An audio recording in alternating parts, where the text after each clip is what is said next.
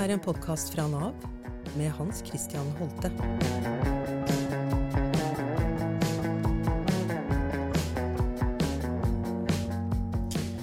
Velkommen til Holtes Halle. Jeg heter Hans Christian Holte, jeg er Nav-direktør. Jeg har gleden av å lede en organisasjon som har et veldig stort og vidt samfunnsoppdrag.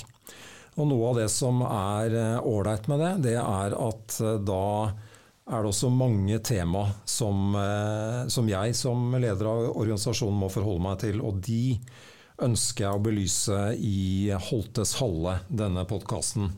Vi skal snakke om demografi. Vi skal se på både hvor vi bor hen i det langstrakte landet vårt, og vi skal også se på hva som skjer med alderen på befolkningen vår. Det er noe av det vi skal komme inn på. Og da tenker jeg sånn drøyt ti år fram i tid, kanskje. 20-30-åra. Hvordan ser det ut i Norge da?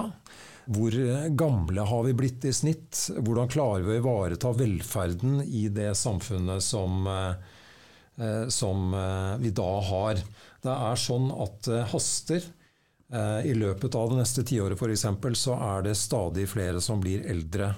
I dag så har jeg invitert Astrid Syse. Hun er seniorforsker ved Folkehelseinstituttet. Og jeg har invitert Anne Ekornholmen, som er politisk redaktør i Nasjonen for å snu og vende litt på disse temaene som jeg har vært innom nå. Astrid hun satt i regjeringens demografiutvalg som leverte sin rapport i 2020. I FHI så jobber hun med demografi og helse, og hun har bakgrunn fra SSB, altså Statistisk sentralbyrå, der hun i mange år jobba med befolkningsframskrivninger. Og Anne Ekornholmen hun har bakgrunn fra flere lokal- og regionaviser før hun kom til Nasjonen. Og hun jobber jo i en avis må vi si, med sterke meninger om den demografiske utviklingen. Og har, etter det jeg har fått høre, også selv meninger om hvordan samfunnet bør utvikle seg, og, og hva vi ser. Så velkommen til dere begge. Tusen takk. Takk.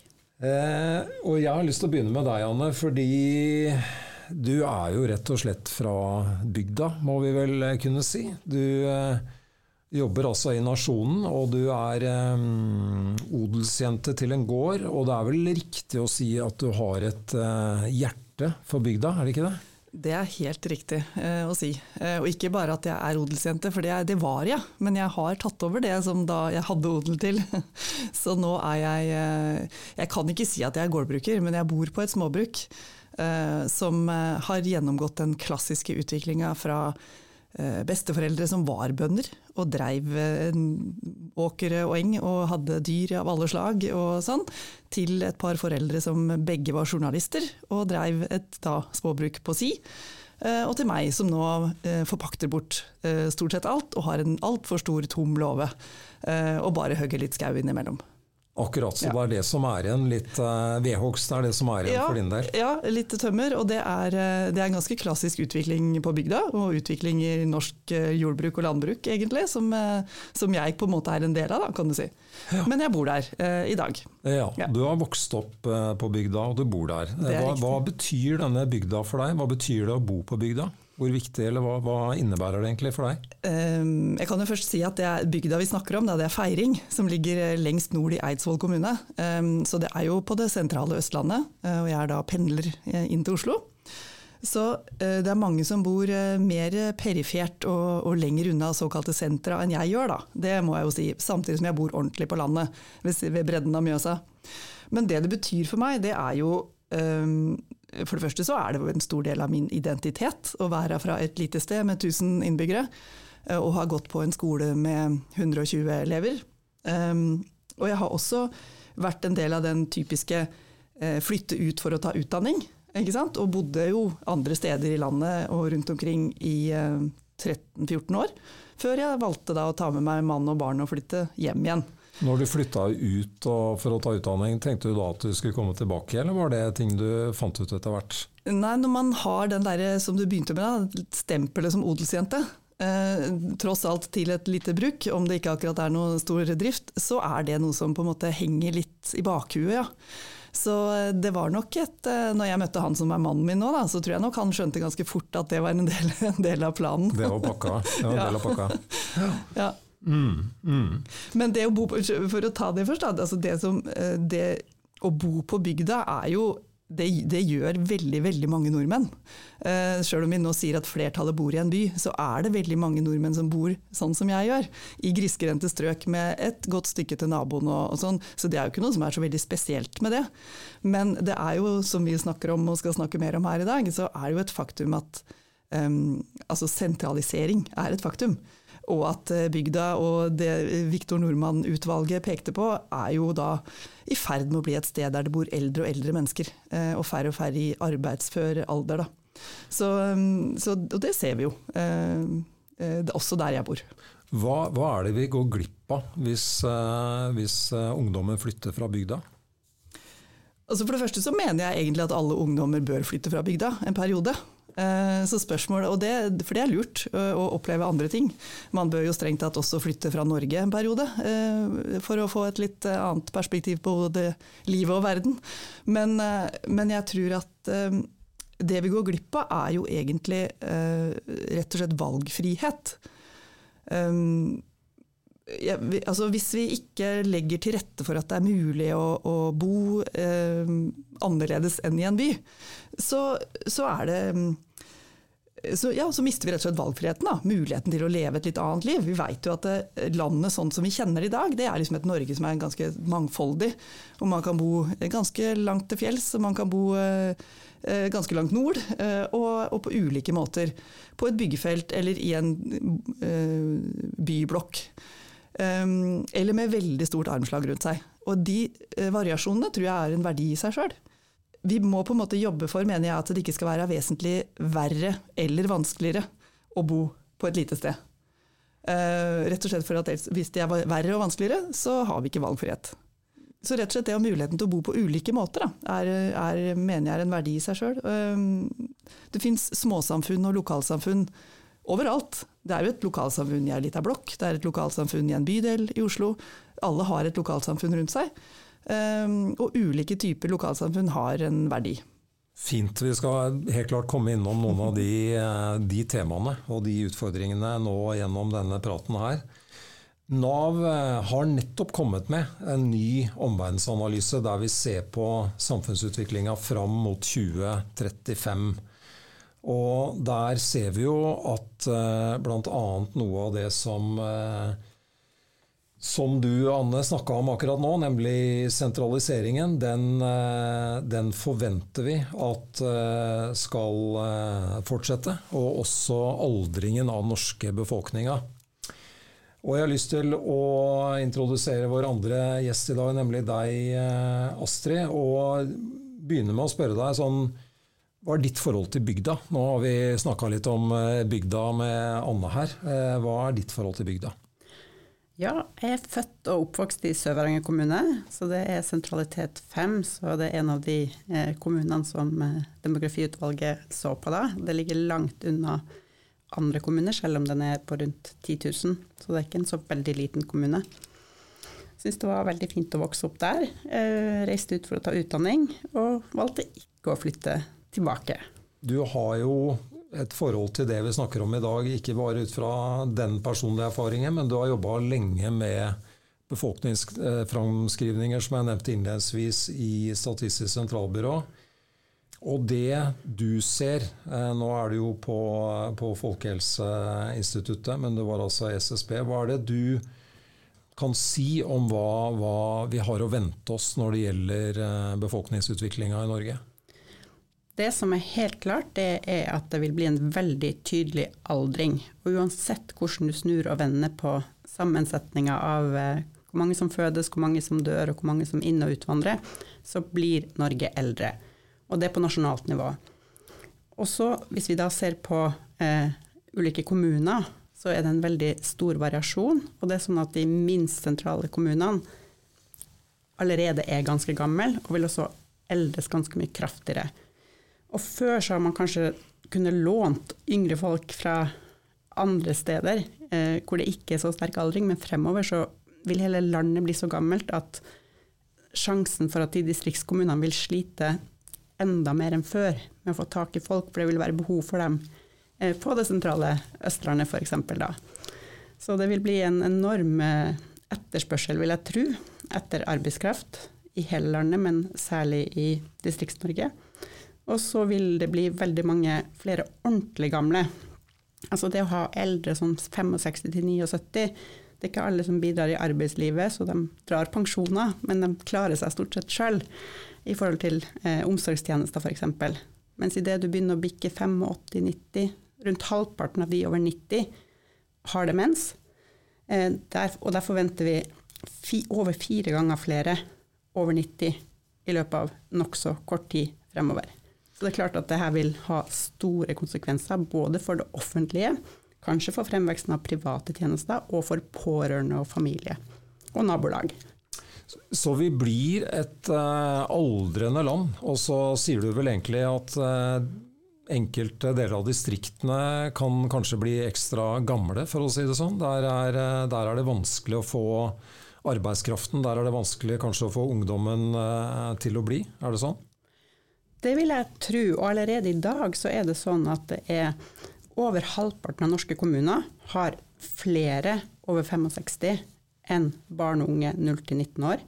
På nasjonalt nivå så forventer vi at eh, det vil bli flere eldre enn barn og unge i løpet av 2030. Det er veldig kort tid til. Vi snakker en sånn seks års tid. Og da er det på nasjonalt nivå. Det er en situasjon vi aldri har hatt før. Vi har alltid vært flere barn og unge enn eldre i landet vårt til nå. Så dette er noe som snur eh, i disse dager, som det heter? Absolutt. Ja. Hva med sentraliseringen som eh, Anne var innom, er det noe som du også eh, ser på? Siden de fleste barn og unge nå fødes i sentrale strøk, så det er veldig viktig at de får sjansen til å få en eksponering for noe annet enn det sentrale Norge. Så hvordan kan vi få oppfordre ungdom til å reise eh, til til distriktene, da. Og at man trenger ikke å tenke at man skal bo der for alltid. Det er veldig fint for distriktet at det kommer folk og er der en tre, fire, fem, seks års tid. Ja. Ja, og i, i utvalget som du satt i, eh, demografiutvalget, så mener jeg også kanskje at du hadde Du fremmet et forslag som ble en del av utvalgets eh, forslag, som gikk på å la unge ta lappen som 16-åringer, er ikke det riktig? Jo, det var noe av det vi kjente på når vi vokste opp. Og det er jo store avstander i Kirkenes. Det er liksom tolv mil i mange retninger eh, hvis du skal noe. Så eh, vi tenkte at det var mulig å i hvert fall eh, lage prøveordninger. Men det er veldig viktig at de evalueres både for eh, ønska og uønska konsekvenser. Men der fikk vi Trygg Trafikk på nakken, gitt. Dere fant aldri helt ut av det med Trygg Trafikk på det punktet der? Nei. Nei, nemlig. Nemlig.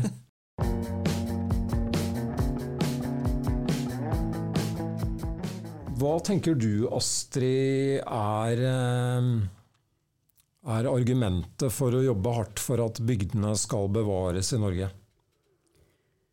Jeg er veldig enig i det Anne sa om at det er veldig fint at det er generelt stor valgfrihet, og at man kan på en måte velge litt ulike liv. Eh, det jeg tenker er at hvis vi skal klare å levere tjenester og klare å ha nok folk, så må vi kanskje tenke sentralisering innenfor en del distriktskommuner. At kanskje kan du ikke bo på den ytterste øya hvis du trenger hjemmetjenester tre ganger om dagen. Men i dag så er det jo sånn at uh, det er veldig lange reiseveier. Altså det er mye tid som går bort for helsefagarbeidere og for hjemmesykepleiere til å reise ut til folk. Og gitt den sykepleiermangelen som fremskrives og mangelen på helsepersonell generelt, så tror jeg ikke det vil være rom for det fremover. Ikke at det normativt sett ikke burde være sånn, men jeg tror rett og slett at det vil være noen prioriteringer som vil måtte gjøres politisk. Eh, hva tenker du det gjør med, med hva slags type tjenester, eller hvordan vi som eh, altså Nav jo er en del av det, tjenestetilbyderne, hvordan skal vi kunne løse eller bidra til å løse dette? Har du noen tanker om det, eller? Og det var et stort spørsmål. Men jeg tror, nei, altså, mitt første svar på det er nei, det har jeg ikke noe svar på. For det her er jo egentlig ekstremt komplisert. Så, um, men jeg tror at et, av de, liksom, et mer sånn større svar på det er at eh, distriktspolitikk må på en måte gjennomsyre alle, distrikt, alle politikkområder. Eh, litt sånn som jeg mener også at klimapolitikken må gjøre.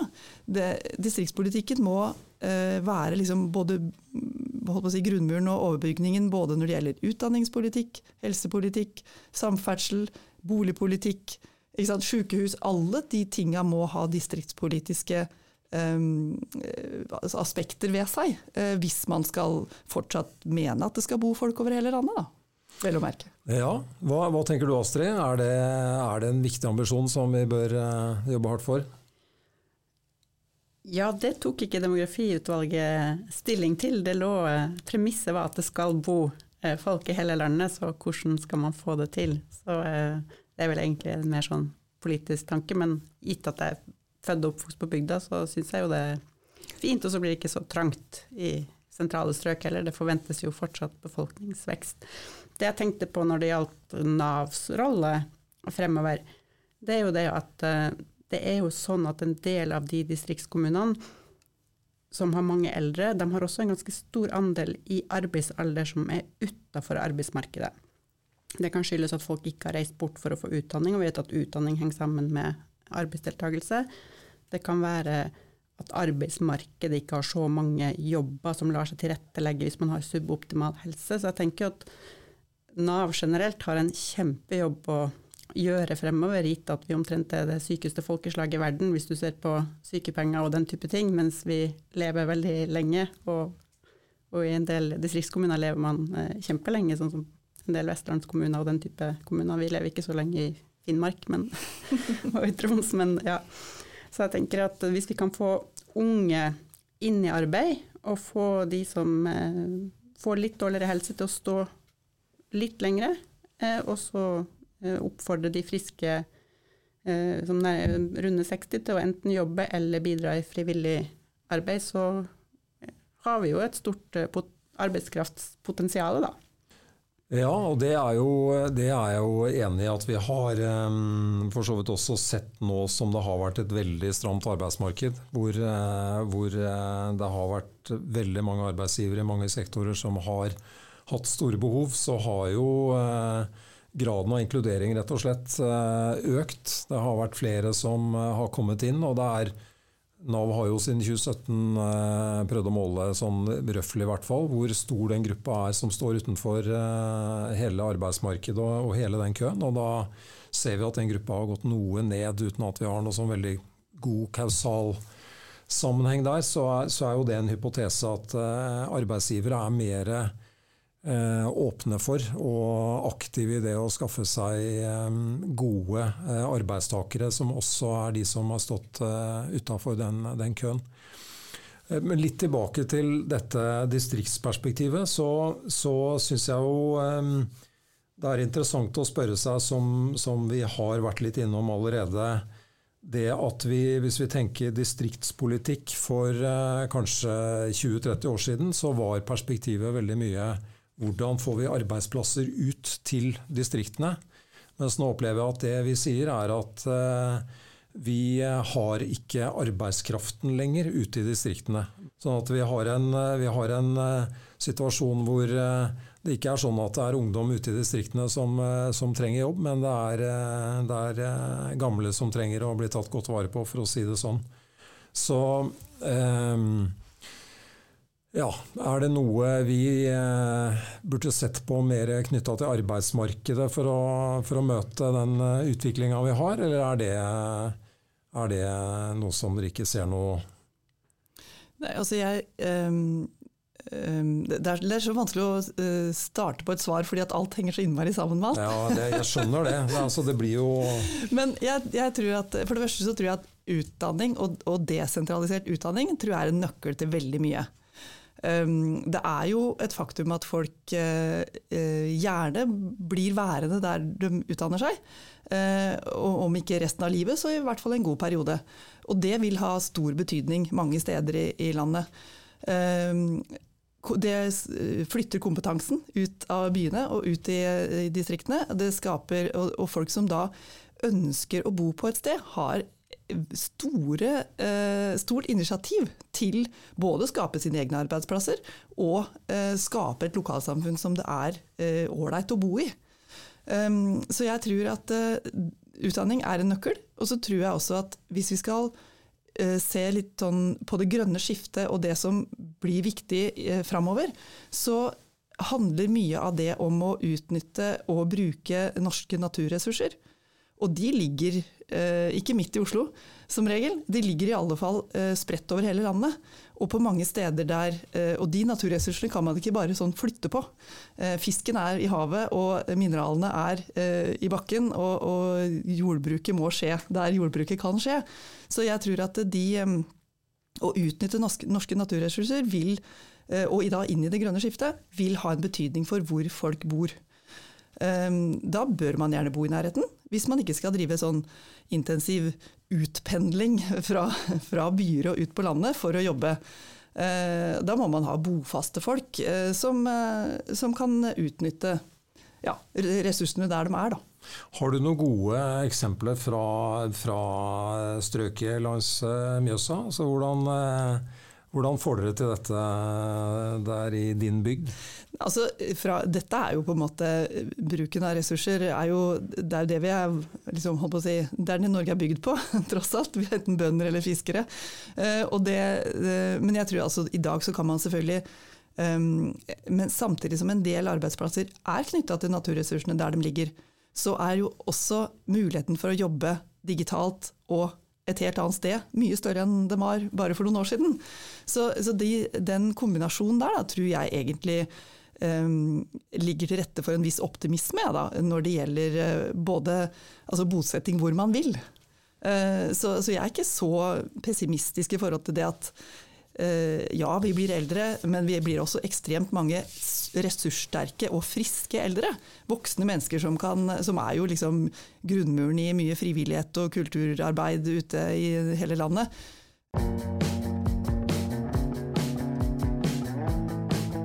Eh, hva tenker du Astrid om, om eh, mulighetene i distriktene, f.eks. opp mot det grønne skiftet og det vi har foran oss?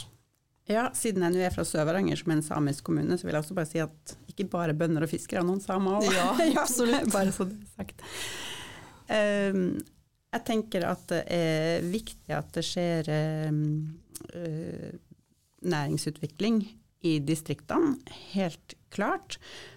Noe av det som er vrient, gitt at man har en god del lovpålagte oppgaver, f.eks. knytta til eldreomsorg, er hva skjer med kommunebudsjettene når du må på en måte velge mellom om du skal lage en skole eller et sykehjem.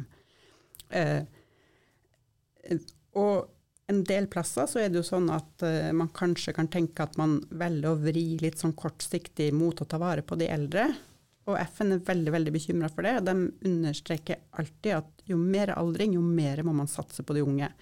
Satser du ikke på de unge, så får du ikke sykepleiere til å flytte som har lyst til å etablere seg og få barn. Altså, du får ikke den kompetansen du, du, trenger hvis du ikke husker å satse på de unge. Så Derfor så var jo en del av de tiltakene vi hadde innretta mot de unge, og noe av det vi så litt på, var det med boligpolitikk at det finnes nesten ikke gode utleieleiligheter. Og det gjelder også i forhold til å bruke pisk eller gulrot for å få eldre som eventuelt trenger tjenester til å flytte litt nærmere hjemmesykepleiesentralen. Altså mange ønsker å bo litt nærmere og kan få hjelp litt fortere, men det finnes ikke boliger omtrent. Så her tenker vi jo at Husbanken eller andre ordninger eh, må på plass. Og hvis du flytter opp for å jobbe kanskje et par år i Finnmark, så du har ikke lyst til å kjøpe den ene bolig fem mil fra sentrum, når du ikke kjenner noen der og vet ikke hvor lenge du skal være. Altså, du har lyst til å bo i en leilighet, hvert fall, så du kan gå på kafé og ta en øl og komme deg på jobb. Ja.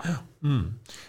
Når du satt i demografiutvalget, så hadde vel dere også en del forslag eh, knytta til, eh, til eh, hva kan motvirke fraflytting. Da? Er det noe av det du er litt innom nå? Eh, er det andre ting som dere var innom for å som kanskje da ville kreve politisk handling, for så vidt, men som, eh, som, kunne motvirke en sånn type fraflytting, og som er kanskje litt sånn nytenkende? Ja, om det ikke vil motvirke fraflytting, så i hvert fall eh, promotere tilflytting, da. Mm. Eh, vi så litt på det med skattefritak for utleieboliger i noen av de eh, minst sentrale kommunene, at det kanskje kunne være en ordning. Vi så litt på det å utvide det eh, Finnmarks- og Nord-Troms-tillegget til å gjelde andre eh, mindre sentrale kommuner, selv om de ikke er plassert akkurat der i landet. Um, vi ser jo at vi trenger helt klart flere praksisplasser for eh, helsefagstudenter og sykepleiere og andre i distriktene. Eh, I gamle dager hadde vi turnusordninger eh, for leger før det ble ramma av eh, EØS-regelverket, sånn at folk fikk noe eksponering og kanskje ble noen værende. Eh, militære var bosatt der de flytta til, nå pendler man. Eh, så det har vært en del sånn strukturelle endringer som gjør eh, at ting er litt annerledes. Og da må man aktivt ut og lage og skape og legge til rette for økt tilflytting av unge for i hvert fall en periode. Og hvis vi nå ser på noe av det som skjer på når det gjelder nyetableringer i Norge, altså og det grønne skiftet, f.eks. noen av disse batterifabrikkene som etablerer seg et eller annet sted rundt i Norge, så opplever jeg at det, det er i grunnen en utfordring for et lokalsamfunn av ganske sånn store dimensjoner. Og, og som, eh, hvor jeg egentlig har oppfattet at noe av det som er et stort spørsmålstegn i de eh, satsingene, det er, eh, det er rett og slett hvordan lokalsamfunnet klarer nettopp å etablere nok eh, infrastruktur, eh, det som skal til av boliger, av, eh, av eh, skole, altså i det hele tatt å sørge for å få den kompetansen da, eh, og de folka rett og slett eh, inn. Og det kan jo være egentlig ganske sånne brå endringer som er vanskelig å se for seg hvordan, hvordan man egentlig skal få til. Har dere noen tanker om, om det? Det er litt, dette er jo litt høna og egget, på en måte. Eh, mange kommuner ønsker seg jo arbeidsplasser, eh, og legger jo sånn sett godt til rette for den type ting. ikke sant? Eh, så godt at eh, Nasjonen skriver om at eh, her bygger du midt på matjorda. Så, så, det er jo det er mange hensyn å ta. Men, og så er det, da kommer det en batterifabrikk, og så blir kommunen oi, hva gjør vi nå? Med, alle, med skole og som du sier, samferdsel og de tinga. Så vanskelig er det kanskje nesten uansett hva som kommer først. Men, og det er jo litt sammenlignbart kanskje med Forsvaret, som, som blir en sånn stor arbeidsplass midt inne i et lite lokalsamfunn. Um, men Forsvaret er jo opptatt av altså, Det sier de jo sjøl, de er avhengig av et velfungerende sivilsamfunn. Forsvaret i et eh, lokalsamfunn trenger jo også helsetjenester, trenger også skole og arbeidsplasser for partnere osv. Trenger, eh, trenger veier og kollektivtrafikk. Så, så det, er sånn, eh, det er jo ikke sånn at du kan først si ja til det ene, og så kommer det andre etterpå. Man må jo utvikle disse tingene samtidig hele veien. Så det er litt tilbake til det jeg sa om at jeg tror distriktspolitikk må på en måte gjennomsyre alle andre politikkområder. Ikke minst bolig, som, som, du var innom, for det tror jeg er et av de store utfordringene for mange mindre kommuner og mindre steder. At man ikke har eh, en variasjon i boligtyper. Um, veldig mange eldrehus, gamle gardshus kanskje, eller, og man mangler kanskje da sentrale leiligheter, mindre steder man kan leie osv. Alle vil jo ikke bygge fra bånn av. Og veldig mange steder i Norge så lønner det seg jo virkelig ikke heller å bygge et hus. Det, det taper seg i verdi med en gang det er ferdig. Så jeg tror ja, tilbake til det, det, det, hovedpoenget egentlig mitt er at, at man må tenke hvordan vil dette slå ut Eh, over hele landet? Eller hvordan vil denne politikken kunne medføre at det faktisk blir litt enklere å bo eh, grisgrendt? Ja, Astrid?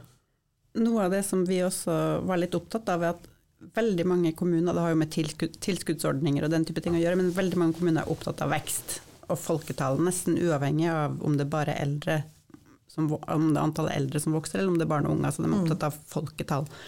Så noe av det vi prøvde å fokusere på, var det å heller legge til rette for å skape gode lokalsamfunn for de som faktisk bor der. Det er ikke sikkert det har så mye å si om det folketallet bikker fra 1100 til 1020 hvis det er 80-90-åringer som dør. Altså sånn, um, det aller viktigste er å sørge for at man får til å yte de tjenestene man skal, og får til å ha det hyggelig og opprettholde det kulturelle og det sosiale tilbudet som, som man trenger, og gjerne da i samarbeid med andre kommuner. Jeg snakka så vidt i stad om, de som står eh, utenfor arbeidslivet. Eh, 660 000 sist eh, Nav eh, rapporterte det. Eh, av de så er det mange som ønsker å jobbe, men som ikke får sjansen til det. Og det er jo ca. en tredjedel av den gruppa som er født i utlandet. og et spørsmål til dere er også om vi burde sett integreringspolitikk og distriktspolitikk mer i sammenheng. Ligger det en mulighet der? Ehm, jeg tenker absolutt det. Noe av det som er litt av vanskelighetene, er at eh, veldig mange kommuner vil ha mottak f.eks. For, for eh, asylsøkere, for det er ganske gode støtteordninger de første årene. Og så er for så vidt de happy med at folk reiser videre. Altså de som blir og som klarer seg, er de glad for at blir. Mens så så flytter resten da til det sentrale Østlandet.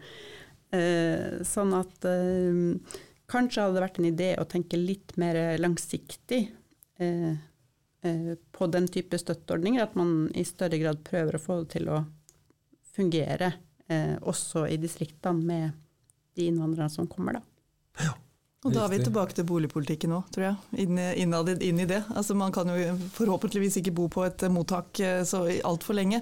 Og da må man jo ha muligheter for å bo eh, på andre måter. Eh, å bo i nærheten av hverandre, eller å bo i, ja, i ulike boligtyper. Da. Mm. Så jeg tror absolutt at Og for mange kommuner så er jo innvandring, reell innvandring, på en måte den eneste muligheten for vekst i folketallet.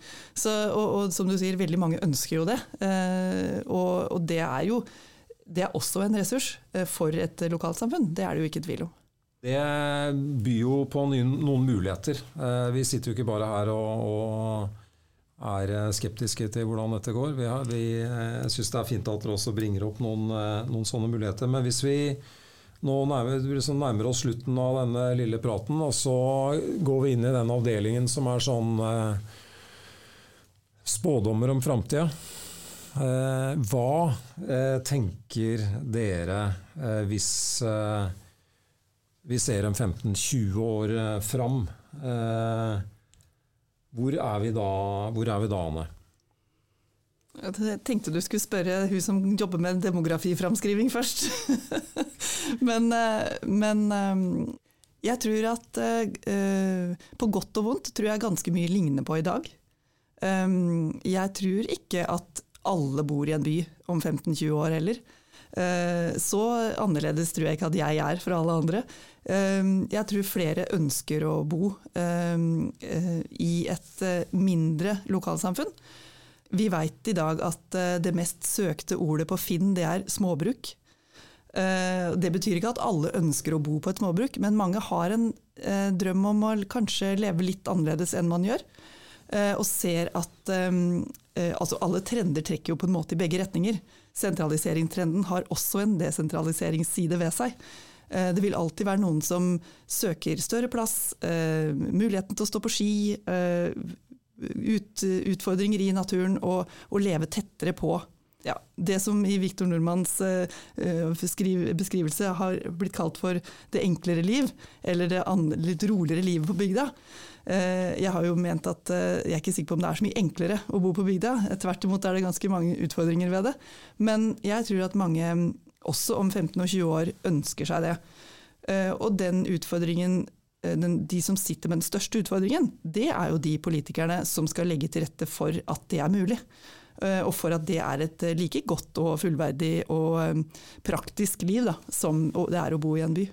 Og Da er vi inne på alt det vi har snakka om egentlig med tjenestetilbud og arbeidsplasser og alt egentlig vi, vi skal få til i et uh, samfunn, litt eller stort. Uh, ja. ja. og det er det, altså Nasjonen skriver, vi har en sånn saying, vi sier at vi, uh, hvor vi lever, hvordan vi lever og hva vi lever av. Det er det Nasjonen skriver om. og det, det, handler jo om på en måte alle sider ved å bo i distriktet. da. Eh, både hva vi jobber med der, og det jo, har jo fra tradisjonelt sett vært primærnæringa, men, eh, men, også hvordan vi lever, eh, hvordan vi har det der. Og jeg tror at om 15-20 år så, så, er det fortsatt muligheten for å leve gode liv der. Da, Astrid, så får vi høre hva, hva du sier om 15-20 år fram i tid?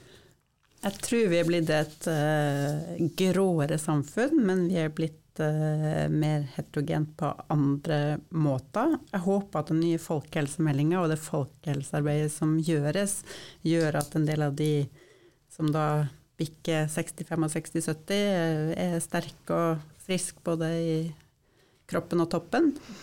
Og så håper jeg at en del av de som har bikka 80 og bor i distriktskommunene, har fått mulighet til å flytte til en leilighet i sentrum av kommunen, eller i nærheten av egne voksne barn, hvis de skulle ønske det.